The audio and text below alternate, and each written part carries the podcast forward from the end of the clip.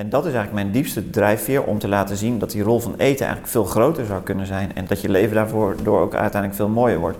Als je eten een grotere rol geeft, er meer aandacht aan besteedt en ook zorgt dat het beter geproduceerd wordt. In deze podcast ga ik in gesprek met Trace Peter van den Bos.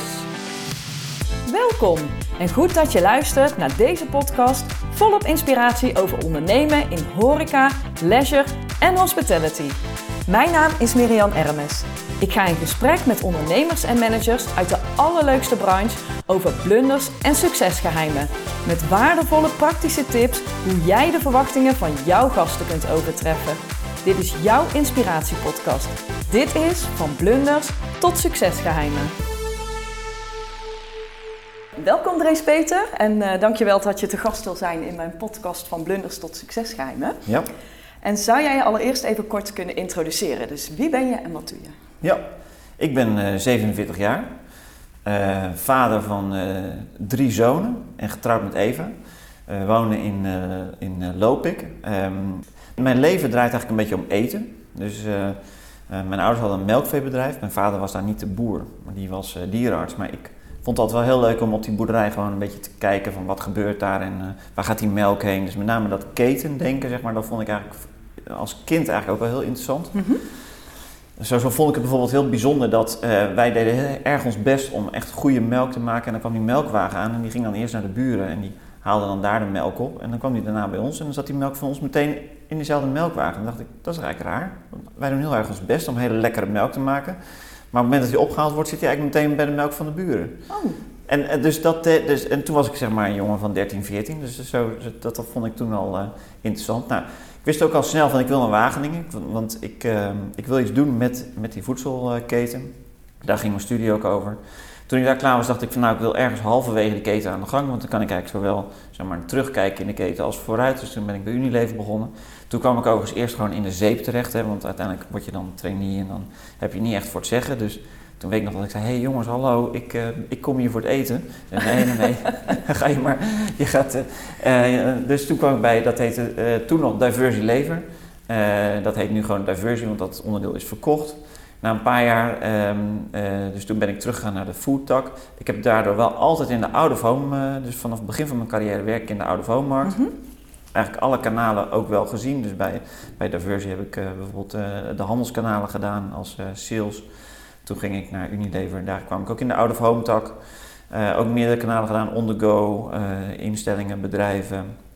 Nou goed, tien jaar daar gewerkt en toen dacht ik van oké, dat voedselsysteem dat moet echt op, op de kop. Dat, dat gaan we niet nog zo'n keer 50 jaar volhouden zoals dat nu uh, gaat. Dus dat heeft enerzijds te maken met, het, met de globalisering. Anderzijds um, uh, ook gewoon dat, dat, dat we uiteindelijk als mens zo ver zijn afkomen te staan van, ja, waar komt dat eten eigenlijk vandaan? Terwijl het zo essentieel voor ons leven is. En is, het is eigenlijk gewoon een soort van ja, bijproduct geworden wat we achterloos naar binnen werken. En dat, nou, dat besef, dat kreeg ik eigenlijk steeds meer. Ook weer bijvoorbeeld doordat ik kinderen kreeg. Ik weet nog goed dat mijn oudste, die, uh, die was op een gegeven moment ongeveer één. En toen hadden we bij Unilever hadden we Knorvie ontwikkeld. En ik weet niet of je dat product nog kent. Knorvie, dat was een klein flesje. En dat gaf jou de helft van je behoefte aan groente en fruit. En voor Unilever was het een mooi en revolutionair product, want wij deden allemaal houdbare dingen en voor het eerst kwam er echt iets vers. En ik was verantwoordelijk voor bijvoorbeeld on the go. Dus commercieel zag ik hele grote kansen. Van, ik ging naar Shell en zei van uh, weg met die, uh, met, die, met die snicker aan de kassa. We gaan hier Knorvie neerzetten. En we gaan zorgen dat mensen veel gezonder gaan, uh, gaan eten. Um, maar dan kwam ik thuis en toen weet ik nog dat ik tegen Eva, mijn vrouw, zei van...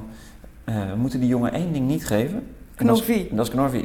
Want als hij leert dat groente en fruit gewoon in een flesje zit, dat is het begin van het einde. En toen reed ik op een gegeven moment naar mijn werk, dacht dat is eigenlijk best wel raar. Dat, dat ik zo enthousiast commercieel kan zijn over een bepaald product, terwijl ik het ook gewoon wel kan verklaren dat het goed is, maar aan de andere kant geeft mijn eigen kind niet. En toen dacht ik, nee, eh, met alle ideeën die ik verder heb over, en ik wilde ook eigenlijk weer gewoon terug naar Nederlandse boeren, toen dacht ik van oké, okay, ik, uh, ik moet het over andere boek gooien. En toen uh, nou, ging ik daar met Willem over praten. En Willem heeft ook bij jou in de podcast gezeten. Dus, ja, dat klopt. Uh, en wij waren rechtstreekse collega's van elkaar. Willem was echt de ondernemer die tegen mij zei, kom op Drees, weet je, dan moeten we gewoon gaan ondernemen. En ik had veel meer het idee van ja, maar dan, dan wil ik daar iets in te gaan doen. Dan, En, uh, nou, en zo ontstond Jij Willem wilde en meer Drees. betekenisvol zijn. Ik wilde meer betekenisvol ook, en ook echt dat lokaal. Willem zat ook meer natuurlijk had met zijn ontwikkelingseconomie achtergrond. Meer ook in fair trade dingen en zo. En ik merkte van ja, daar zit mijn hart eigenlijk niet zo. Mijn hart zit wel gewoon bij het Nederlandse systeem. En, Ja. ehm, en hoe dat dan precies in elkaar zit. En die Nederlandse boeren. En, en eh, want, eh, hoe we dat systeem kunnen veranderen. Dat, eh, dat. En hoe heb jij dan, want jij bent eerst naar Wageningen Universiteit Ja. gegaan en daar heb jij agrosysteemkunde gestudeerd. En dat had te maken met die voedselketen dan Klopt. waarschijnlijk. Ja, En die, eh, dat kwam weer voort vanuit het melkveebedrijf vanuit je ouders. ja. En hoe heb je dan die stap gemaakt naar de commerciële tak van Unilever? Hoe gaat dat dan? Ja, Hoe dat is, werkt dat is een goeie. Want ik kwam natuurlijk, eh, je had een aantal richtingen waarin je kon instromen bij Unilever. En ik kwam in de finance en supply chain hoek kwam ik binnen. Dat was heel logisch, omdat ik... Oh, Maar toen, ehm, eh, toen was ik een jaar bezig. En ehm, toen hoorde ik bijvoorbeeld steeds op de kerstborrel. dacht ik van ja, die, die gast, die algemeen directeur, die heeft eigenlijk alleen maar over één ding. Het gaat hier, het gaat hier over, over hoe kunnen we groeien, hoe kunnen we... En waar was ik mee bezig? Van hoe kunnen we goedkoper eh, eh, logistiek doen? Toen dacht ik, oké, één ding wil ik niet. Is dat ik een hele leven alleen maar bezig ben met optimaliseren en, en met name kosten reduceren. Ik wil bezig zijn met daar waar het bedrijf daadwerkelijk om draait. Dus toen heb ik eigenlijk heel snel gezegd, jongens, ik, dit, dit is niet mijn toekomst. Ik wil naar, eh, naar de voorkant. Dus, naar, dus toen heb ik eerst naar, naar marketing gegaan en toen uiteindelijk redelijk snel naar sales. ah, Ja. oké. En toen heb jij eerst, moest je naar de zeeptak en... eh, Toen zat ik in de zeeptak, en, eh, maar goed, dat vond ik eigenlijk ook hartstikke leuk. Ik had meteen zoiets van, oh, die out-of-home markt, dat vind ik eigenlijk heel leuk. Sprak me heel erg aan met de klanten waar wij ook mee bezig waren. En, en, en ook die, de groothandels waar ik toen voor verantwoordelijk was. Ehm, maar ik had op een gegeven moment wel zoiets van, oké, zeker toen die, dat onderdeel verkocht werd aan Johnson.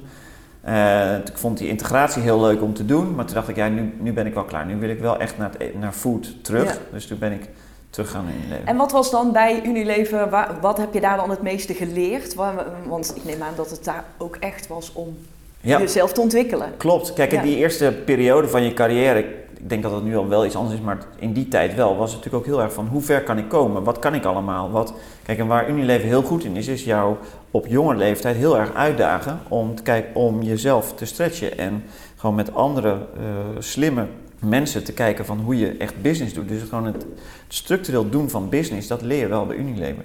Dat gaat over nadenken over kansen in de markt en die uitwerken tot aan een business case en het vervolgens ook implementeren. Dat zijn dingen waar je daar helemaal eh, zeg maar, in de goede omgeving zeg maar, zit om dat, eh, om dat te doen. Ja, en dan staat eigenlijk die voedselketen, dat systeem, dat stond dan een heel klein beetje op de achtergrond. Dat stond, Dacht je eh, van, dat stond heel ver op de achtergrond. Ja, precies. En dan Dat- daar was ik de dat- eerste jaren ook helemaal niet echt mee bezig. Totdat Nee. ik weer wel met, met die food, dus ik, bijvoorbeeld die Knorvie, dat ik wel ineens dacht, ja wacht even, waar komt dit nou precies vandaan? En een ander voorbeeld was bijvoorbeeld, Unilever begon toen ook met, met eh, biologische soepen, weet ik nog, van Unox. Dan hadden ze een commercial gemaakt. En eh, daar stond een boer en, en, en, en, dan, eh, en die zei eigenlijk van ja, ik hoef niks te doen. Ik ben biologisch aan telen, ik hoef niks te doen. Dus het regende en zo. En, en hij stond dan gewoon op zijn land en het beeld was dan. Toen dacht ik, wat is dit voor onzin? Eh, want ik wist inmiddels wel steeds, ik wist natuurlijk wel veel gewoon van het agrarische systeem. Ik denk, ja, maar dit is zo'n bullshit. Want eh, juist biologisch boeren ben je veel meer bezig met de grond en met de. Dus toen dacht ik, ja, dit, dit, dit, dit, dit, dit klopt echt voor geen meter. Ik snap dat je een mooi marketingverhaal wil vertellen, maar dit, eh, dit gaat echt alle, alle perken te buiten. Ja, ja, en toen dacht je van, nou, dit moet anders. Dit moet, dit moet anders. Ja. En toen precies. ging je met Willem praten. Kijk, wij praten al. eh, kijk, wij kwamen elkaar weer tegen. We kenden elkaar een beetje uit Wageningen. We waren daar geen hele dikke vrienden, maar we wisten wel van elkaars bestaan, zullen we maar zeggen. En ik weet nog goed dat, eh, dat, dat ik zat er en toen kwam er een plek als salesmanager vrij. En toen, toen zei mijn eh, leidinggevende toen zei van ja, ik heb een gesprek met Willem Treep van Heineken. Toen dacht ik, oh, Willem. Oh, interessant, leuk. En, nou, dus toen, en wij, zijn, wij hebben toen ja, twee, drie jaar samengewerkt. En het grappige is eigenlijk dat Willem en ik zijn totaal verschillend. Dus Mhm. Willem, eh, die is heel impulsief en die, ehm, eh, eh, die, die komt iedere dag binnen met een nieuw idee. En, weet je, en, en ik ben veel ehm, zeg maar gestructureerder. Ik, ik denk eerst na. En, ehm, maar we hebben wel dezelfde waardes. En dat, Mhm. daar kwamen we eigenlijk in die jaren achter. Van we, we werken vanuit dezelfde basisprincipes. Van hoe we om willen gaan met mensen. Hoe we, wat we belangrijk vinden in business. Wat we, wat we in ons eigen leven willen. Hè. Dus dat kwam heel erg overeen. Maar eh, we werkten verder totaal anders. Mhm. En eh, dus toen dachten we ook van dat, dat, dat, dat kan wel eens een hele goede match eh, zijn. Ja. Ehm, En wat ik zeg, Willem had dan wel meer, was ook gewoon meer de echte ondernemer in de zin van, dat, hij, dat, dat, dat, was gewoon een diepe drive van hem, van ooit wil ik, hè, dus hij zat bij de grote bedrijven om te leren hoe hij daarna moest ondernemen. Voor mij was dat heel anders. Ik weet nog, um, uh, dat is me ook een beetje met een paplepel ingegeven. Mijn vader zei dat, oh Unilever is zo'n mooi bedrijf en die, en die zorgen zo goed voor je, daar kan je je hele leven blijven, Oh, weet ja. je wel. Dus, Ja. Ehm, dus dat, ik, had, ik had ook één oom en die had bij Unilever gewerkt. En die- ja, dat was zo'n mooi bedrijf. Dus dat was hoe ik... Ik was begonnen bij Unilever met het beeld van... Daar hier, blijf eh, ik. Hier blijf ik. Het is Ja. gewoon fantastisch. Het mooiste bedrijf van Nederland. Ga ik nooit meer weg. Ja. Nou, en... ehm, eh, dus ik weet ook nog dat ik mijn vader opbelde inderdaad. En dat ik zei van ja, ga stoppen bij Unilever. Ik ga voor mezelf beginnen. Zei Oh. waarom doe je dat? Je hebt zo goed naar je zin. En uh, moet je kijken wat vakantie je allemaal krijgt. Ja. Ik zei ja, ik ga, ik ga het toch doen. En... ehm, Dat is ook nog wel die veilige gedachte van ouders, die willen je beschermen. Precies. Ja. En, het, en het was natuurlijk ook zo. eh, Ja. nu is dat wel wat minder. Dat, hè, Zo'n bedrijf voor het leven, dat, dat, bestaat, dat bestond toen ook wel wat minder. Maar dat was inderdaad Mm. wel. Kijk, dus voor mij was eigenlijk de conclusie van ja, als ik het echt anders wil, moet ik het ook gewoon moet ik het zelf gaan doen. Dat zag ik inmiddels wel. Ik, eh, ik zag wel, Unilever is een, een olietanker en die, Mm. en, die, en die draait echt wel de goede kant op. Maar zelf heb, ja, weet je, moet je gewoon mee in die olietanker. Ja. En ja, toen dacht ik van, als ik, het anders, als ik zo rigoureus anders wil, dan moet ik op een zeilboot gaan zitten. ja, precies. En dan moet je zelf aan het roer en dan ben je Ja. eerst aan het pionieren waarschijnlijk. Ja. Hè? Die markt een beetje openbreken. Want Ja. Ja. jullie Nee, waren die wel snel. Jullie waren, Ja, die markt voor lokaal eten, die stelde natuurlijk nog helemaal niks voor. Daar Nee. waren wij echt de eerste ongeveer in.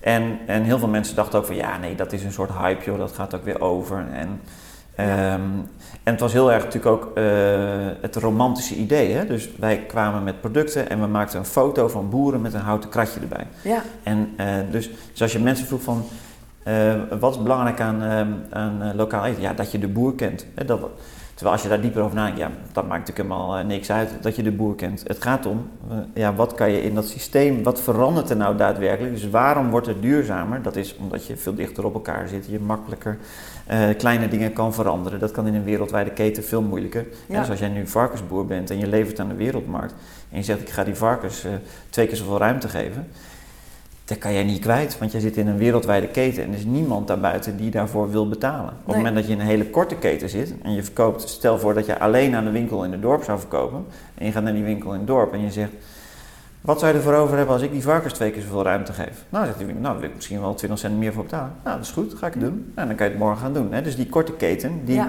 maakt het veel makkelijker. Maar dat denken, dat was het toen helemaal niet. Dat was, eh, dus heel veel mensen dachten, oh, dat is leuk, romantisch. Ja. En wij moesten dat hele verhaal vertellen van nee, er zit veel meer achter. Het gaat over een ander systeem. Ja, en, maar kijk, toen was het ook nog heel erg denken in geld verdienen natuurlijk. Hè? Klopt. Dus toen was het welvaart was veel belangrijker dan Ja, het inderdaad. zijn. Ja, ja.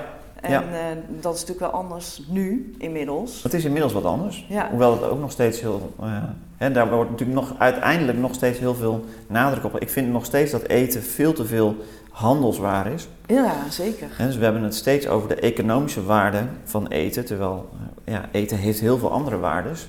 Als het gaat Mhm. over gezondheid, als het gaat over mensen samenbrengen, als het gaat over. En die zijn, ja, vind ik nog steeds heel erg ondergeschikt. En merk je niet nu we in al inmiddels twee jaar in de coronacrisis zitten, dat dat wel belangrijker gaat worden? Of zeg je van, ik vind het nog steeds echt heel traag gaan? Nou, kijk, er wordt heel veel over gespra- gesproken. Maar de proof of the pudding is uiteindelijk gewoon: met, ben je bereid om het ook daadwerkelijk echt anders te doen? Mhm. En eh, als daar een soort van pijn, en dat is dan vaak financiële pijn, eh, als die daarmee gepaard gaat, ben je ook echt bereid om dat wel te nemen. Kijk, daar, kijk als, je, als alles hetzelfde blijft en alleen het, het, het, zeg maar, het verhaal rondom het eten wordt wat mooier, ja, dan wil iedereen het. Hè? Maar de Mhm. crux zit er natuurlijk in, ben je daadwerkelijk bereid om andere keuzes te maken? Dat En- vind ik nog steeds beperkt, als ik heel Ja. ben. Ja. Ja, en dan heb je het natuurlijk ook over eh, de afstanden, waar eh, heel onlogisch dat je producten de ene kant van de wereld Ja. opbrengt om vervolgens weer, weer terug te halen en dat soort dingen natuurlijk. Er zitten, kijk, de, de, de, de keten is nu gebouwd op de manier die het meest economisch efficiënt is. Dus als we, als we best wereldwijd soja kunnen verbouwen in Brazilië, doen we het daar. Wij kunnen hier heel goed varkens houden, want eh, we hebben een grote haven en we hebben wat zandgronden waar we goede schuren op konden zetten. eh, en we, we zijn een handelsland en vervolgens houden ze in China van varkensvlees, ja, dan is die keten is dan nu zo gebouwd. Ja. En dat, eh, ja, en als je het van een afstandje naar kijkt, zeg je, god, dat is onlogisch. Maar ja, weet je, verander het maar eens. Hè? Ja. Want, en, en, en, en daar, zeker die transitie, die kost gewoon, eh, dat kost gewoon pijn. Hè? Dus dat, dat kost of geld, of... eh, en daar moet je wel bereid zijn om daar daadwerkelijk doorheen te gaan. Als je denkt dat we dat allemaal kunnen gaan veranderen, zonder daar enig centje pijn voor te hebben, Mhm. dan heb je het totaal eh, verkeerd. Ja. En wat is dan jouw persoonlijke missie? Mijn persoonlijke missie, de diepste persoonlijke missie is eigenlijk gewoon met eten de wereld een klein beetje veranderen. En, dus, en dat betekent inderdaad in mijn optiek dat de rol van eten eigenlijk veel groter zou moeten zijn in jouw leven. Eh, ik denk dan toch dat als je, als je zeg maar even een paar duizend jaar teruggaat, dat het belangrijkste wat je op een dag deed was zorgen dat je goed te eten had. Mhm. Dan was eigenlijk aan het eind van de dag was je leven geslaagd als je gewoon gezorgd had van nou. Ja. En, en nu ehm, is, de, is die rol van eten, is, ehm, ja, wat ik net al zei, die is heel klein. En, maar we overzien eigenlijk niet goed welke gevolgen dat heeft voor onszelf, voor onze eigen gezondheid. Hoe belangrijk het is dat we echt gezond eh, eten, maar ook voor de wereld om ons heen. En, ehm, en dat is eigenlijk mijn diepste drijfveer om te laten zien dat die rol van eten eigenlijk veel groter zou kunnen zijn en dat, dat, dat je leven daarvoor door ook uiteindelijk veel mooier wordt. Als je eten een grotere rol geeft, er meer aandacht aan besteedt en ook zorgt dat het beter geproduceerd wordt. Ja. ja, dus je hebt eigenlijk de hele keten van eten, die zou jij belangrijker willen Ja. maken. Zeker. En dat gaat vanaf het produceren, verbouwen, het Ja. zorgen dat het er is, Tot het, tot aan het moment dat je het eet. dat je het eet, of misschien ook nog wat afval. Eh, ook het afval. Ja. Maar ook bijvoorbeeld, hè, dus eh, heel simpel ook, ook gewoon in mijn, eh, in mijn eigen leven, in mijn gezin. Ik vind de, de belangrijke momenten zitten toch ook wel rondom eten. Ja. En dat lukt mij natuurlijk ook niet al, want wij hebben allebei een fulltime baan en drie opgroeiende kinderen. Dus verwacht niet een eh, enorme idylle dat wij iedere ochtend met z'n vijven gezellig zitten ontbijten, want zo is het absoluut niet. Nee. Maar ik probeer wel de, eh, de, ja, de aandacht voor eten wel echt erin te brengen. hè. Ja, Dus, dus en dat, ze weten wat ze eten. dat ze weten dat ze eten, dat we er tijd voor nemen, dat we met elkaar daar ook over praten, dat we ervan genieten, dat we er mooie momenten rondom beleven. Ja. Ja, zo ben je dus na Unilever naar Willem en Drees gegaan. Daar heb je daar eigenlijk al de eerste stap, Ja. eh, of gegaan, Ja. daar heb je zelf Ja. opgericht. Hè? Eh, heb je de eerste stap in dit veranderen van de keten eh, gedaan. ja, Ehm, nu zit je bij Hutten. ja. Hoe is die overstap van Willem en Drees naar Hutten gegaan? Of hoe... Nou kijk, even, daar kan je kan, ik, kan ik natuurlijk heel veel... het eerste is eigenlijk hè, dat, dat op een gegeven moment, eind 2018, wilde ik graag door. Eh, omdat we met Willem en Drees een hele reis gemaakt hebben, waar we ook nog uren over kunnen vertellen. Ehm, maar waarvan uiteindelijk wel mijn conclusie is, hè, want we zijn begonnen bij retail en out of home. En diep in mijn hart vond ik dat het allermooiste. Want daar had ik echt het idee dat is het grote systeem en dat gaan we veranderen. Uiteindelijk kregen we dat niet goed winstgevend. Hebben we er een direct-to-consumer business van gemaakt. Hè, met, met boxen en met boodschappen en dat soort dingen. ja. Toen was uiteindelijk wel mijn conclusie. Kijk, nu heb ik gewoon een paar duizend super gecommitteerde klanten. Die precies weten hoe ze het willen. Die daar inderdaad ook voor willen betalen. Dus eigenlijk het perfecte plaatje. Mhm. Alleen realiseer ik me, en wat is nou precies mijn impact? Want deze mensen weten het allemaal al. Als ze bij mij stoppen, lopen ze gewoon de Ecoplaza en kopen ze ook de goede spullen, bij wijze van spreken. ja. Dus ik had wel zoiets van, ja, kijk, ik ben een heel mooi voorbeeld. En, maar ik verander uiteindelijk toch te weinig. En eh, dus toen ik ehm, eh, stopte bij Willem en Drees en eh, uiteindelijk dit business ook verkocht heb, toen was eigenlijk mijn conclusie, ik wil naar een, het liefst naar een bedrijf wat echt weer gewoon midden in het leven zeg maar, staat en ook in, in, in het voedsellandschap staat, daar wel bereid is om een bepaalde houding in te nemen. En dat hoeft niet allemaal goed te zijn, want dat, dat, daar gaat het me helemaal niet om. Ehm, maar dat als je daar dingen in verandert, dat dat ook daadwerkelijk impact heeft. Dat, is eigenlijk, dat was mijn. Nou goed, en toen heb ik eigenlijk tegen mezelf gezegd: ik ga niet een nieuwe start-up doen, want dat t- tien jaar eh, kost je ook best wel wat kruim. Ja. Ehm, ik ga niet terug naar het echte corporate, want dat, dat, dat duurt me te lang uiteindelijk. Mhm. En dan ben ik ook te veel afhankelijk van andere mensen. ja. Dus toen heb ik eigenlijk voor mezelf gezegd: het liefst zou ik willen naar een bedrijf zeg maar, tussen de 50 en 200 miljoen in Ja. food. En die moet een houding nemen. Nou, dan mag je een lijstje gaan maken. Ja. Oh, zo heb je dat gedaan? En zo heb ik dat gedaan. Ja. En daar stond Hutte eh, dik op één. Oh. Eh, er waren echt nog wel een paar andere, maar Hutte stond op één. Dat kwam ook omdat wij met Willem en Drees deden wij ook zaken met, uh, met de verspillingsfabriek vooral. Mhm. Uh, dus wij hadden afspraak met onze boeren dat ze zeg maar, hun producten ook aan de verspillingsfabriek konden leveren. Daar werden dan soepen en sauzen van gemaakt. Die gebruikten wij weer in onze boxen. Mhm. Uh, dus ik kwam hier best wel regelmatig. Ja.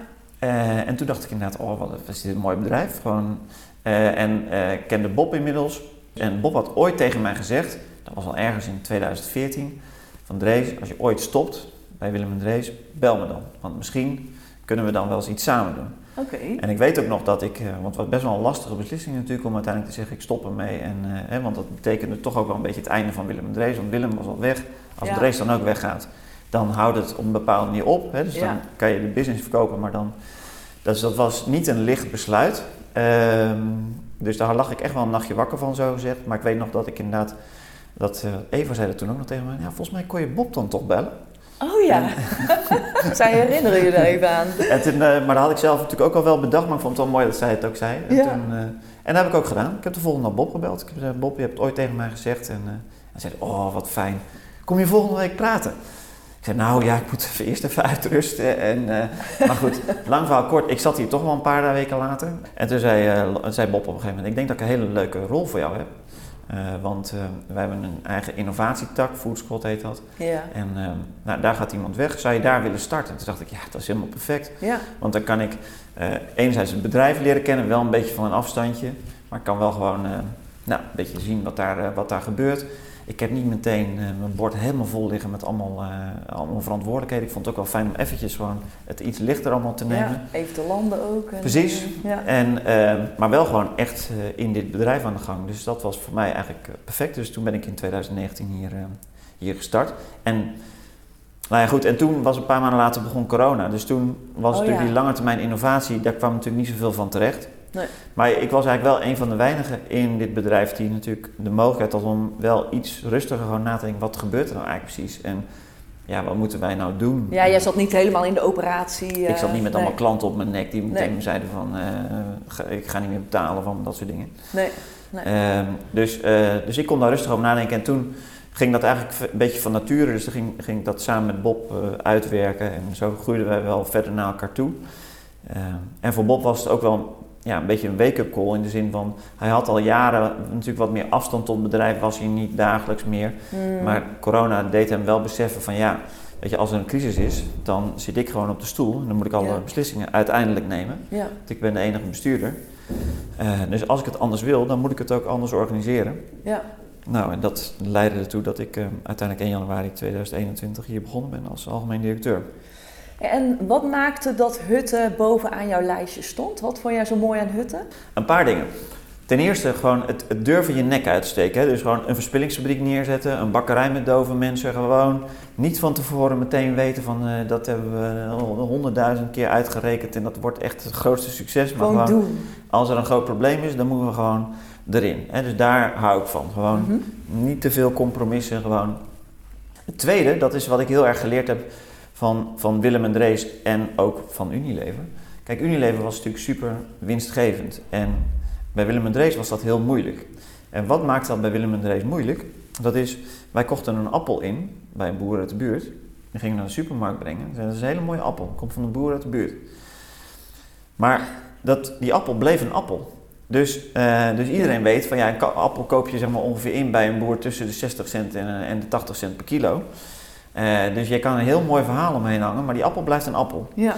En uh, ik, ik, had natuurlijk die marges van Unilever wel een beetje in mijn hoofd. Want die, kunnen met wat, uh, met, met, met, met, met wat draaien en wat ingrediënten weten ze van een, van een Magnum van, een, ja. van 20 cent. Die kunnen ze dan zeg maar voor, voor, voor, voor 3,5 euro. Ja, precies. Hè? Dus ja. dat. Um, ja. En ik zag natuurlijk op een gegeven moment, ja, dat lukt in die vers bij Willem. Nee, lukt dat natuurlijk helemaal niet. Hè? Nee. Dus ik ben blij als ik er 30% op kan zetten. En dan, uh, dan, dan is dat nog heel knap. Dat is veel, ja. ja. En uh, dus, ik, dus, dus waarom vond ik dit bedrijf mooi? Ik dacht, ja, kijk, hier komen gewoon de aardappels aan de achterkant uh, de keuken in. En we gaan er allemaal lekkere dingen van maken. En we maken mooi, mooi gerechten van. Dus dat kan je weer in een andere marge. Daar ja. kan je weer een andere marge. Dus dat, ja. en dat leek me ook zo fijn. Dat, ik, dat je gewoon dat je veel meer waarde kan toevoegen. Um, omdat mijn hart gaat ook wel echt naar eten uit. Ik hou ook zelf heel erg van koken. Ik, uh, hè, dus, dus ik dacht, dat vind ik echt leuk. Dat, ja. dat, dat uh, hè, dus, Dus zeg maar het echte ondernemende van Hutte, het stelling willen nemen tegen maatschappelijke issues, of het nou verspilling is, inclusiviteit, gezondheid. En dan ten derde, gewoon het businessmodel, dat je gewoon vanuit ruwe producten echt een mooi eindproduct maakt. Met heel veel mogelijkheden om zelf te innoveren. Dus dat je die eigen productie hebt, ja, dat vond ik fantastisch. Ja, ja. Ik vind dat ook nog steeds als ik hier aankom of ook bij de verspillingsfabriek, je zet je auto neer en dan, dan denk ik, oh, we maken vandaag tomatensoep. Ja, Ja. Ik, vind dat, ik vind dat echt helemaal fantastisch. Ja, ja, je bent ook echt gewoon bij je productie. Je bent, precies, je bent bij je productie, eh, dus dat, dat, dat, dat hele stuk, eh, dat, dus eigenlijk heb je grip op die hele keten. Je weet wie je boer is, dan haal je producten, dan ga je dingen mee maken en uiteindelijk tot aan dat iemand die vork in zijn mond stopt, daar zijn we bij. Ja, en Ja, dan dat- niet alleen het eten, maar je kijkt ook naar maatschappelijke issues. Precies, En, en, eh, de gastvrijheid eromheen. ja. Dus, dat, eh, de- dus ja, dat, dat is eigenlijk wat ik, wat ik dan van Hutte echt, ehm, ja, wat me heel erg aanspreekt. en hoe is het dan om als eerste niet-familielid algemeen directeur van Hutte te zijn? Nou, het is, eh, het, het is denk ik makkelijk en moeilijk. Eh, kijk, het is op een bepaalde manier ook makkelijk, omdat je bent de eerste die het doet. Dus je kan het zelf eh, een beetje bepalen, zeg maar, hoe je dat vormgeeft. Ja, Kijk, als er al iemand weer voor was geweest, die dan had ze gezegd, nou kijk, dan hebben we, doen we het zus. En Ja. ik heb natuurlijk, kijk, Bob besliste alles toen. Ik weet nog dat hij mij uiteindelijk vroeg en dat, dat ik ook zei, nou dan moeten we het ook statutair gaan regelen. Kan je eens even de statuten op, op, eh, opsturen, vroeg ik toen nog. oh, Zei die statuten, Statuten? statuten, daar weet ik niks van. eh. Dus, dan, dan moet je bij Bas zijn, dat is de financiële man. Nou, dus ik Bas statuut. Ik ging dat natuurlijk lezen. Ik dacht, wacht even. D- dit moeten we wel even aanpassen, want alles wat hier nu in staat, dat, dat is dat helemaal geënt op. Je hebt, een, je hebt een eh, aandeelhouder en die is en algemeen directeur, hè, dus die dat moeten we straks. Dus, dus eh, nu terug naar jouw vraag, hoe is het dan? Nou kijk, ik had wel de, de, de mogelijkheid om gewoon even goed na te denken van oké, hoe moeten we dit goed doen en hoe kan ik dit goed doen en hoe richten we dat dan in? Dus dat is eigenlijk wel fijn. Eh, aan de andere kant, het is natuurlijk gewoon zo, dat is voor het hele bedrijf een hele grote verandering. Eh, zowel voor Bob als voor de Ja. mensen. En dat maakt het soms natuurlijk gewoon lastig. Ja. Ja. Bob heeft het 35 jaar eh, gedaan. Die, kan- die is maar één ding in zijn hoofd. En dat is natuurlijk dit bedrijf. Ja, hij doet nog heel veel andere dingen. Maar uiteindelijk in de kern zit natuurlijk dit. Hij staat ermee op, hij gaat ermee naar zijn bed. ja. En nu zit daar, een, eh, zit daar een andere gast die allemaal beslissingen neemt waar hij niet rechtstreeks invloed meer op heeft. Nou, Ja. Je kan je voorstellen dat dat niet zonder slag of Dat is stoot voor gaat. Bob ook wennen. Dat is voor Bob ook wennen. Ja, Nou, dan gaan we, dat, uiteindelijk gaat dat eh, prima. Hè, dus ik, ik, hè, dus, dus wij, wij hebben het daar heel goed over. En eigenlijk zeggen we steeds tegen elkaar, gaat eigenlijk best wel goed. fijn. Ja. Maar ook voor de mensen hè, in de organisatie. Ja. Ik bedoel, ze zijn allemaal gewend eh, Ja. dat Bob eh, alles beslist. En nu moeten ze naar de race. Klopt. En dat is ook anders, want je hoeft er nu eigenlijk... Dus mijn, mijn rol is uiteindelijk ook daar anders in. En ook daar daar zie je dus zeg maar... Kijk, de een vindt dat heel fijn. Kijk, als er één belangrijke verandering is, is dat ik graag wil dat mensen veel meer zelf beslissen. Ja, precies. En niet Bob. Al, Bob En- beslist er alles en dat doe jij niet. Dat doe ik niet. Nee. Nee, dus, eh, en er zijn mensen dus die vinden dat heel fijn. Dus die zeggen, oh, wat fijn dat ik gewoon helemaal mijn eigen plannen en dat ik het aan jou voorleg. En dan, nou, als we het samen mee eens zijn, dan gaan we het doen. Ehm, en er zijn andere mensen die zeggen, ja, ik vond het eigenlijk toch ook wel leuk. Zo'n zo, zo, zo'n kerel die gewoon 's ochtends hier binnenkomt, altijd een nieuw idee en heel veel energie meebrengt. En ja, dat, dat vind ik leuk om daar achteraan te gaan en gewoon uit te voeren. Ja. Eh, weet je, gewoon lekker in de slipstream mee van iemand met heel veel ideeën. Ja, dat, dat is bij mij anders. Ja, ja, ja, en ook eigen verantwoordelijkheid nemen is fijn, maar is ook moeilijk soms. Is soms hè? ook moeilijk. Ja, Ja, ja. inderdaad. Ja. Oké, Ja. en eh, zelf eh, zit je ook gewoon zeer... Jij vindt het super Ik vind het een hele leuke baan. Ja, Ik, eh, eh, weet je, ik, eh, ik, ik, ik heb natuurlijk ook mijn sores en ik maak me zorgen over dingen. En ik Ja. vind dat ik soms dingen niet goed doe. En dus alles is daarvan toepassing. Maar gemiddeld genomen, als ik s'avonds terugkijk op wat heb ik voor dag gehad, dan, dan denk ik, oh, dat is eigenlijk wel heel leuk. Ik heb, weet je, dus ik, ik startte, dat, dat ging over een juridisch issue waar, waar we dan een beslissing over moeten nemen. Ja, toen vervolgens ging ik nadenken over een nieuwe locatie waar we willen starten. En toen eh, nou heb ik een beslissing, nou, denk ik altijd, dat is wel heel, afwisselend ook. Ja, heel afwisselend. Kijk, en, en, en, en is toch ook nog wel een ander ding. Kijk, dat, eh, dat kijk Willem en Drees. ehm, ik was natuurlijk ook helemaal verknocht, eh, helemaal verknoopt ook eigenlijk hè, met, dat, met dat bedrijf. Mhm. Kijk, je kan je voorstellen, ik, uh, ik, ik, ik kwam van de universiteit, ik had één bedrijf, ik wilde een Unilever, ik ging daarheen, dat lukte. Nou, weet je, ik heb daar uh, ik heb, ik heb een hartstikke leuke tijd gehad. Op een gegeven moment geef je dat op, dat voelt natuurlijk wel, hè? Dus je geeft, en dan ga je je eigen bedrijf starten. Dan, mm. dan dat noem je ook nog naar jezelf. Uh, dan is alles eraan gelegen natuurlijk dat dat gaat lukken. Ja. En uh, daar ben ik ook wel eens uh, zeg maar in doorgeslagen. In de zin van dat ik, dat, dat ook wel eens verkrampte. Weet je wel? Dat als dat uiteindelijk toch niet lukt, mm. uh, dan was op een gegeven moment zo dat voor mijn gevoel, als Willem en Drees niet lukt, lukt Drees niet. Ja, en, ja. Um, had je te veel aan jezelf gekoppeld? Ik had, heel, ik had het volledig aan mezelf gekoppeld. Ja. Gewoon mijn, het succes van Drees hangt af van Willem en Drees. Dat, ja. is gewoon, dat is gewoon hoe het was. En dat heb ik, daar heb ik natuurlijk proberen leerlingen te trekken. Dat is niet, dat, nou, hè, maar dat heb ik. En ik merk wel dat ik nu, dat ik, ik, ben, ik ben helemaal verknocht ook aan dit bedrijf en ik hou er enorm van.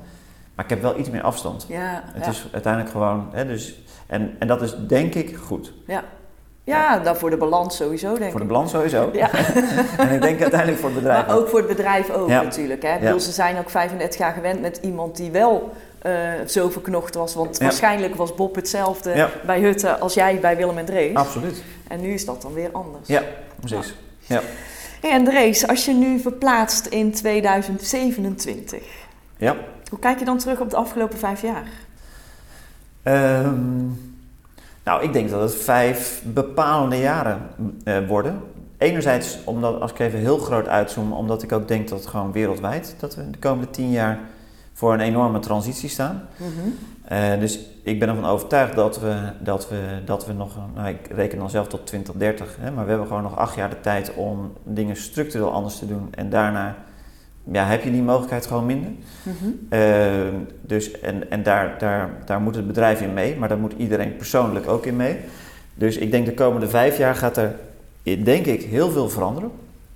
Uh, en Hutte wil daarin voorop lopen, dus die wil en zeker niet het hele wereldprobleem oplossen, maar wel laten zien hoe je dat in voedsel echt anders kan doen. Dus mm -hmm. hoe kan je, ik noem het zelf, een aardepositief bedrijf zijn waarin we uiteindelijk uh, meer toevoegen aan de aarde dan dat we onttrekken op alle vlakken. Dus dat ja. gaat over, uh, hè, dus dat gaat over zeg maar, het natuurlijke stuk. Hè, dus hoe zorgen we ervoor dat we voedsel produceren wat CO2 in de bodem opslaat in plaats van dat het uiteindelijk heel veel CO2 kost. Uh, maar dat gaat ook over mensen. Dus hoe kan je zorgen dat, dat mensen uiteindelijk groeien doordat ze nou, bij hutten werken of uh, met hutten werken. Mm -hmm. En dat gaat ook over financieel. En ook, da ook dat is uh, hoe kan je zorgen dat het bedrijf meer waard wordt. doordat je.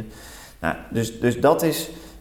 dus ik denk dat, dat die komende vijf jaar, dat we daar echt een transitie in gaan, dat Hutte daarin voorop loopt om te laten zien hoe de nieuwe wereld uiteindelijk eruit ziet.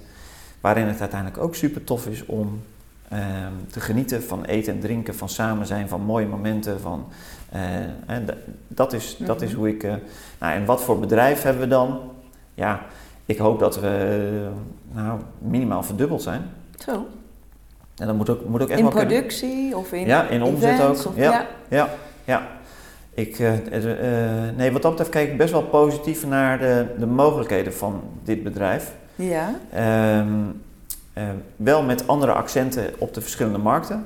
Uh, hè, dus we, hebben, we werken in, in, in, in drie markten, dus business horeca, uh, care and cure en horeca, meeting en events. Ik denk dat de verdeling gaat wel wat, wat, wat, wat, anders worden. wat anders worden. Maar waar zit je nu vooral? Bij die nu, zit, nu zit ongeveer 50% bij business horeca. Ja. En ik denk dat met name die andere twee takken heel hard gaan groeien. Dus de. En je zegt meeting en events en business horeca. En wat is dan business horeca? Ja, business horeca is alles binnen bedrijven. Oh, ja. Maar dat worden ook steeds meer, ja, wat wij dan noemen multi-tenant panden. Hè. Dus dat zijn panden ja. waar je gewoon kantoor hebt, maar onder zit een horecagelegenheid. Ja. Dat valt bij ons, dat scharen wij ook onder gewoon business horeca. En dan heb je horeca, meeting en events, dat is meer het leisure stuk. Dat zijn stadions, dat zijn evenementen, ja. dat zijn, maar dat kan ook gewoon losse horeca zijn. En care, care en cure, dat, zijn de, dat is de zorg en de zorg. het onderwijs misschien? Ja, nee, wij richten ons primair op de zorg. Zorg, ja, ah, okay. wij, wij richten ons op die plekken waar, uh, waar eten ook echt een verschil kan maken.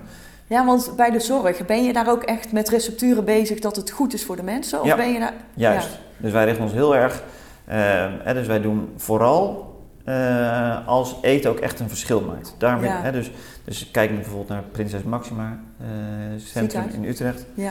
Nou, daar kan je je voorstellen dat eten echt wel een verschil kan maken. Mhm. Eh, daar komen wij heel goed tot ons recht. Oké. We doen dat hetzelfde. We zijn nu ook begonnen bij de Antonie van Leeuwenhoek. Eh, en dus, dus juist hoe specialistischer eigenlijk, hoe beter. Hoe beter. Ja. Ah, en dan denken jullie mee in die recepturen of dat Wij hebben maken, jullie die, wij maken die wij ontwikkelen, wij denken heel goed na over, oké, iemand met slikproblemen, eh, met een bepaald smaakprofiel, wat kunnen wij daarvan maken? Ja, Kijk, als het gewoon standaard maaltijden zijn, kunnen anderen het eh, goedkoper Beter. dan wij. ja.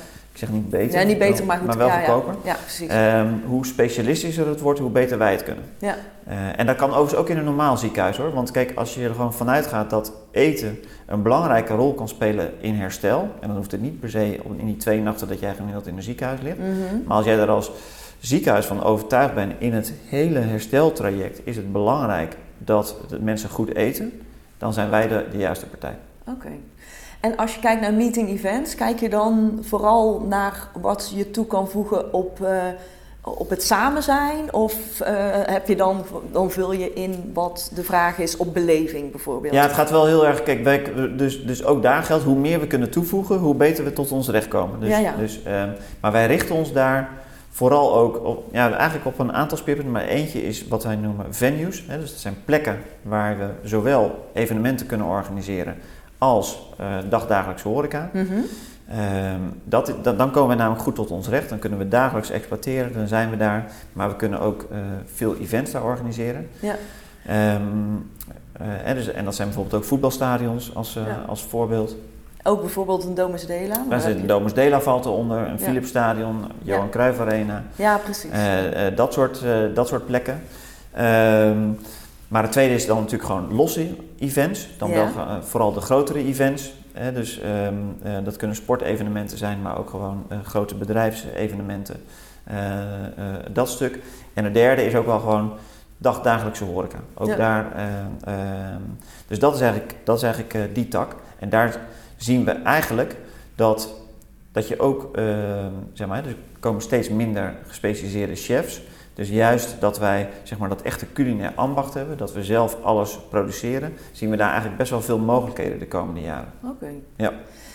En, want jij zei ook, eh, je hebt een bakkerij waar vooral dove mensen Ja, werken. hè? doof en slechthorenden. En alle productieruimtes eh, bij Hutten, eh, die, is dat allemaal met mensen met de afstand tot de arbeidsmarkt? Of is het een gemengd? Of is het, hoe heb je dat georganiseerd? Ja, het is gemengd inderdaad. Dus we hebben wel doelstellingen. Bij- Dus bij de verspillingsfabriek zeggen we bijvoorbeeld minimaal 50% met mensen met een formele afstand tot de arbeidsmarkt. Ja.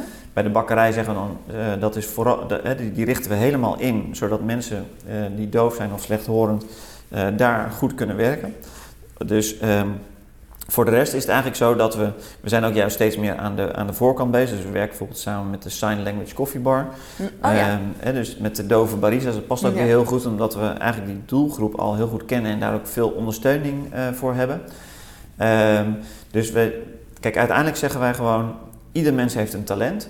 En eh, wij moeten ervoor zorgen dat ieder mens met zijn talent wat gericht is op dingen die wij doen, dat we die echt een plek kunnen geven. En dat Ja. kan hier in de keuken zijn, dat kan hier zeg maar in de hospitality zijn. Dat kan, wij zoeken wel, wij kijken wat dat betreft anders naar mensen. En zij zijn bij jullie in dienst? Of Ja. heb je, oké, dus niet eh, vanuit een Nee, eh, juist dagbesteding? Nee, wij geloven juist heel erg in dienst. Ja. Eh, gewoon, gewoon, gewoon goede dienstverbanden, geen subsidies. Nee. Gewoon, Dan voelen De- zij zich ook weer. dat klopt. Gewoon volledig Ja. eh, zorgen juist dat mensen in hun eigen bestaan eh, kunnen voorzien met een serieuze baan.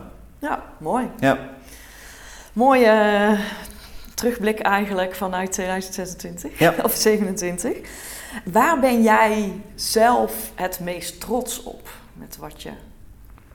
Bij Hutten of... eh, Oh, maakt niet uit wat jij wil vertellen.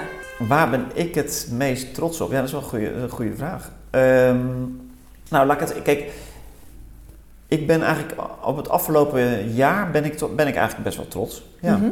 Eh, ik denk dat ik erin geslaagd ben, so far, om het bedrijf wel echt mee te krijgen in een, een nieuwe manier van werken. Mhm. Ehm, Waarin mensen dus eigenlijk zelf veel meer initiatief nemen, ook, elkaar ook meer opzoeken. Dus meer echt in teams uh, plannen maken en die ook daadwerkelijk uitvoeren, executeren, zichzelf daarop afrekenen. Uh, en ik denk, en dat is iets waar ik volgens mij goed in ben, ik kan goed nadenken over de middellange termijn, daar een strategie voor ontwikkelen en vervolgens kijken en wat, wat betekent dat dan vandaag de dag, welke keuzes moeten we dan maken. Dus ik denk als ik nu terugkijk op het afgelopen anderhalf jaar, dat, we, dat ik het bedrijf nu ergens heb gebracht waarin we nou, best wel een goede uitgangspositie hebben. Dus daar, met alle onzekerheid die er is, want de markt is onzeker en uh, ik weet ook echt niet of alles wat we bedenken, dat dat ook daadwerkelijk uitkomt. Maar als je me het gewoon vandaag de dag vraagt, nou, dan ben ik daar eigenlijk wel trots op. Mooi. Ja. En wat is dan jouw grootste succesgeheim, wat jij dan uh, kan brengen? Ik denk dat, dat, dat, uh, inderdaad, dat ik er goed in ben om een, uh, om een toekomstvisie te ontwikkelen. Van dit zijn belangrijke trends. Mm -hmm. Dat betekent dit voor ons. Dus dat betekent dat we die kant op moeten ontwikkelen. En vervolgens mensen daarin meenemen. Okay. Ik denk dat ik redelijk goed mensen voor me kan, kan, kan winnen. Um, op een manier dat ze zelf, zichzelf ook echt kunnen ontplooien. Dus wat ik vaak in mijn carrière heb teruggehoord van, van mensen die met mij gewerkt hebben of in mijn team hebben gezeten, is dat ze aangegeven hebben van, ja, je hebt me echt verder geholpen uh, doordat ik uh, nou, zelf veel beter ben gaan nadenken en daardoor andere beslissingen heb genomen, veel meer het heft in eigen handen heb genomen. Ik denk dat dat iets is wat ik uh, goed, goed, kan. kan. Ja. Dus eigenlijk het faciliteren dat iemand anders zich beter kan ja. ontwikkelen. Ja. En dan ook door duidelijkheid en een visie, maar ook door vertrouwen. Ja, In precies. ieder geval, zo probeer ik het even te vertalen. Ja, ik ben niet heel goed in nitty gritty, dus ik ben geen, ik ben geen man van details. Ik ben, niet, ik ben niet heel goed gestructureerd. Ik ben, hè, dus, dat, dus als je me helemaal meevraagt in, in eh, eindeloze projectplannen, dan haak ik ook af. Vind ik ook, Vind je niet leuk? vind ik ook niet leuk, Nee. inderdaad. Eh, dus dat, dat, dat kan ik ook niet goed. Eh, maar juist gewoon dat eerste stuk en vervolgens mensen daarin meenemen, eh, dat, dat is iets wat ik goed kan. Ja, en dan die mensen ook eigen verantwoordelijkheid En die geven. eigen, mensen, mensen echt verantwoordelijkheid geven. Ja. Ja. mensen het vertrouwen geven dat ze dat ook, als ze dat ook kunnen. En zie je dan ook welke mensen jou verder kunnen helpen? Dus eh, welke mensen je nodig hebt om jou weer verder te helpen? Ja, steeds beter. Want in eerste instantie zoek je natuurlijk altijd mensen die een klein beetje op jou lijken. Ja. Dus dat, dat, is veilig, hè? dat is veilig. Ja. En ik, en, ik, en ik zie eigenlijk steeds beter welke mensen ik, eh, die juist echt aanvullend zijn aan wat ik goed kan. Ja. Ehm, dus, eh, en, en soms stap ik nog wel in de oude val hoor. Dat ik dan toch denk, ja, ik wil eigenlijk een soort van iemand die... Die, eh, Die ook zo. Ja, die ook zo denkt als ik. Ja, die ook zo denkt als ik. is af en toe lekker makkelijk. Ja. en juist zeg maar die mix daarin, daarin vinden, ik denk dat ik dat, ja, dat, dat, zou misschien nog wel beter kunnen, maar dat kan ik eigenlijk steeds beter. Ah, mooi. Ja, ja, ja. Nee, en een eh, succesvolle ondernemer, want ondernemer ben je natuurlijk ook, hè? Ja. De- die eh, maakt natuurlijk ook blunders. ja. Welke blunder wil jij met ons delen? Nou, ik denk dat, ik heb er straks eigenlijk al wel iets over gezegd, maar ehm, wat ik heel erg van Willem en Drees geleerd heb, je moet je ook voorstellen, kijk, als je weggaat bij Unilever en je gaat zelf ondernemen, dan zijn er, eh, dan, dan, dan zegt iedereen, eh, die geeft natuurlijk allemaal goed bedoelde adviezen, maar het advies wat ik het meeste kreeg is van, als je gaat ondernemen, heb je wel doorzettingsvermogen nodig. Dus je Hmm. moet echt doorzetten. Je moet echt, eh, je gaat echt door, eh, weet je, het start zo en dan ga je door een Mhm. dal en dan moet je, en alles wat belangrijk is, is doorzetten. Als er één ding in mijn oren is geknoopt, dan is dat het. En, en uiteindelijk is het eigenlijk mijn valkuil geworden. Oké. Want ik ben gewoon, ik dacht steeds maar, weet je, dus dat, wij, wij hadden een model ontwikkeld en we zagen eigenlijk al na twee, drie jaar dat het niet goed werkte. Maar ik dacht, doorzetten, doorzetten, doorzetten. En ehm, dus, dus ehm, de, de, de grote mislukking wat dat betreft, hè, want uiteindelijk is het nu zo, kijk, als je nu kijkt naar waar lokaal voedsel nu staat, Mhm. eh, dan had Willem en Drees natuurlijk gewoon, eh, dat had gewoon nu een bedrijf van 100 miljoen kunnen zijn. Ja, op dit moment wel. Op dit moment Ja. wel. Als je Ja. ziet ook maar hoe hard een boerschappen nu gaat, of eh, een crisp, of een. eh, weet je, en dat, als je dan gewoon even teruggaat naar waar stonden wij 2013, 2014. En dus eh, ik doe zelf nu ook mijn boodschappen bij Crisp. En dan denk ik, ja, die website, daar hadden wij gewoon, die hadden wij gewoon staan. Ja, allemaal veel brakker, maar wel Mhm. gewoon dat hele idee. Dus als je dan nog een paar jaar had om dat door te ontwikkelen. Nou, en mijn valkuil is, is dus toch dat ik, dat ik veel te lang zelf alles op wil lossen, alles op mijn eigen schouders neem en maar doorzetten. En, Ja. Dus ik vraag heel slecht hulp. Ja. Want ik wil het dan allemaal gewoon, ik ga andere mensen niet lopen belasten met alles. Dus geef het maar aan mij, ik los het op. En dat, en, en dat heeft er eigenlijk toe geleid dat het bedrijf, wat dat betreft, is het niet geworden wat het had kunnen worden. Ja, ja, ja. Omdat je ook niet hebt gedeeld en geen mensen erbij hebt ik heb gehaald. mensen, precies. Ik had Ja. best wel goede, we hadden best wel goede mensen bij Willem en Drees, maar die uiteindelijk ehm, eh, nam ik steeds alles eh, zeg maar op mijn, op mijn schouders. Hmm. En, eh, en dat kwam gewoon omdat ik het toch best wel zwaar nam. Van dit bedrijf moet slagen, ik moet doorzetten. Ja, ja, ja. Dus als je het anders zou doen, wat had je Nou, als ik het anders zou doen, zou ik, zou ik veel eerder hulp vragen. Mhm. Veel eerder ook het, het, het roer omgooien. Als je ziet dat dingen niet werken, sneller bijsturen. Niet, dus niet doorzetten. Nee, precies. Een beetje doorzettingsvermogen is Een misschien niet beetje doorzettingsvermogen is goed, maar als je, als je toch echt al twee jaar ziet dat je er eigenlijk geen geld mee verdient, kappen met die, eh, met die handel. Ja. Ehm, en, eh, en inderdaad jezelf ook wat kwetsbaarder daarin durven opstellen. Het is, ja. Kijk, uiteindelijk vind ik zelf ook, kijk, ik vind toch de mooiste verhalen van mensen ook die, die vallen en weer opstaan. Mm. Dat, eh, uiteindelijk hou ik daar natuurlijk zelf veel meer van dan mensen die, waar het alleen maar omhoog gaat. ja, dan leer je het En- ook niet, hè? Dan leert ook niet. Nee. En de, en de, maar de grap is toch dat ik bij mezelf het idee had, nee, bij Drees moet het allemaal alleen maar uphill. Oh, maar als jullie er niet waren geweest, dan waren ze misschien nu niet zo ver geweest. Nee, maar dat is helemaal zo. Kijk, wij hebben echt onze impact gehad. Dus ik, Ja. ben, ik kan ook trots zijn op wat we hebben gedaan. Ja, Alleen er had gewoon een bedrijf van onder een miljoen kunnen staan. ja, had. Ja. Ja, maar goed, dat is niet. En Nee. jij hebt er veel van geleerd. En Zo is het. De markt heeft er veel van geleerd. Ja. En nu zit je ook in een hele mooie rol. Zo is het. Dus eh, Ja, ja, mooi. mij hoor je niet lagen. Nee, precies. En wie is jouw grote, grootste voorbeeld? Of heb je een voorbeeld? Ehm, ik heb eigenlijk niet één specifiek voorbeeld. Ehm, wat ik wel steeds duidelijker zie, is dat mensen die, die echt... Kijk, uiteindelijk is het zo dat je in je leven kom je een aantal keer op een kruispunt te staan. Mhm. En dat je gewoon zegt, welke keuze maak ik nu? Blijf ik bij mijn hart of kies ik toch anders? Mm. En ehm, ik heb echt respect en bewondering voor mensen die, die op die moeilijkste momenten het, de, de, de, de keuze durven te maken die, ehm, die goed is voor de lange termijn, voor de aarde, voor de mensheid. En dat is wat ik mezelf ook s- eh, steeds probeer voor te houden. Van probeer die momenten te herkennen, want dat zijn er niet heel veel. Nee. Maar het zijn er misschien een stuk of tien in je leven. Ja. Eh, en, en dan gaat ook over privé. Dat je, eh, dus dat je bepaalde keuzes echt moet maken. Ja.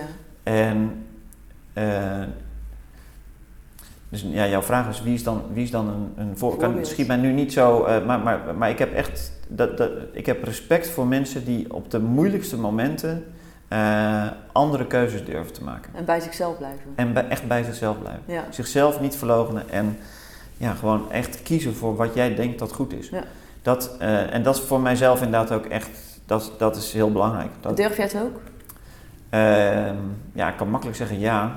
Kijk, ik denk als je dus tien van die keuzes hebt in je leven, dan zul je er een aantal eh, niet goed maken. Hmm. Maar ik probeer, ik doe mijn uiterste best om, om de meerderheid daarvan echt goed te laten zijn. Ja, precies. En heb je nu ook nog steeds bij keuzes dat je denkt, het moet goed zijn voor het voedselsysteem en... eh, Het moet goed zijn voor de lange termijn. Dat is, dat, Ja. eh, nou ja, kijk, de, eh, wij hebben een, een hele grote stap gezet door te zeggen, we zijn in 2024 klimaatneutraal, in 2030 volledig regeneratief. Hè, dus. Eh, dat, eh, we lopen nu, we, we zijn nu allemaal gesprekken aan het voeren met andere boeren. Met, ehm, dat heeft consequenties. Dat betekent, Mhm. dat, dat, dan kunnen we niet eh, de melk voor dezelfde prijs inkopen. nee. Nou, dat, dat is dan zo'n keuze op een Ja. gegeven moment. Dus, dus ben je bereid om, eh, om, om die keuze voor de lange termijn eh, te maken, Te maken, ja. eh, terwijl je het bedrijf daarmee niet in gevaar moet brengen. Ja. Nou, dat, dat is ook steeds de afweging dan. Maar kijk, bij, bij, die, de, bij die dingen, daar probeer ik dan wel steeds na te denken van ja, maar kijk, uiteindelijk, want iedereen roept nu dat hij bezig is met, eh, met duurzaamheid en met eh, en we moeten eh, circulair worden. Hè? Dus, dus iedereen kan daar fantastische powerpoints over maken. ja. Maar iedereen, ook in deze business, komt voor die pijn te staan waar wij nu ook voor staan. Ja. Zijn we bereid om op een andere manier te gaan produceren en alle consequenties die dat met zich meebrengt ook te nemen? Ja. Nou, dat is een. En heb je die antwoorden al, of zit je daar middenin, of heb je dat... Nou, kijk, het is nooit helemaal zwart en wit. Nee. Hè, dus je, kan niet in één keer van eh, ding. Maar het gaat er wel om dat je consequent eh, de lat zo hoog mogelijk moet leggen. Dus je Ja. moet alle zeg maar, financieel rendement wat je tot je beschikking hebt, gebruiken om zo snel mogelijk nu om te turnen. Mooie missie. Ja, Ja, en ik heb nog één vraag, maar ik denk dat ik het antwoord wel weet. Want met wat je nu weet, wat zou je dan vijf jaar geleden als advies aan jezelf hebben gegeven? Eh, ja, neem wat meer afstand. Neem het wat, neem het wat relaxter, Drees. Ja. Neem het wat relaxter. Ja, mooi gezegd. en dan heb ik nog een aantal stellingen voor je. Ja. Cocktails of mocktails? ja, toch wel cocktails. Cocktails. Internationaal of lokaal? Lokaal. Instagram of TikTok? Geen van beide. Eh, robotisering, is dat een kans of een bedreiging? Eh, eh, bedreiging. Bedreiging. Nooit meer koken of nooit meer uiteten? Eh, nooit meer uit eten. Corona, is dat een vloek of een zegen? Ja, dat is een hele moeilijke. Ik zeg op lange termijn een zegen. Oké. Individueel of ketenvorming? Ketenvorming. En zomer of winter? Ja, dat, die is ook eigenlijk onmogelijk, moet ik heel eerlijk zeggen. Oh ja? Nou, ik geloof heel erg, of ik geloof heel erg, ik ben echt een seizoenenmens. Oké. Dus, eh, dus, en ik geloof ook dat, kijk, je hebt de winter nodig om even ook gewoon goed tot jezelf te komen. Je even weer, eh, nou, gewoon even de aarde in te gaan, zeg maar, zoals ik dat zie. En dan heb je de lente. Dan, eh, weet je, dan, dan ga je weer naar buiten en dan zie je alle mogelijkheden. De zomer, dan oogst je. En in de, in de herfst, dan, ehm, eh, dan ga je weer bezig met terug naar de aarde. Ehm, en ik geloof in die cyclus, dus je hebt die echt allebei nodig. Als je me gewoon vraagt van waar ben je liever, dan ben ik liever in de zomer. Mhm. Maar ik, ik kan niet zonder de winter. Mooi. Dankjewel Drees Ja, voor het mooie gesprek. Wederzijds. Bedankt voor het luisteren naar deze podcast. Ben je geïnspireerd en vind je het een waardevolle podcast? Deel deze dan op je social media kanalen en vergeet mij niet te taggen. Ben je ook zo nieuwsgierig naar de volgende aflevering en wil je niets missen? Abonneer je dan op deze podcast. Wil je meer informatie over horeca, leisure en hospitality? Ga naar mirianermes.nl en volg me op LinkedIn, Instagram en Clubhouse.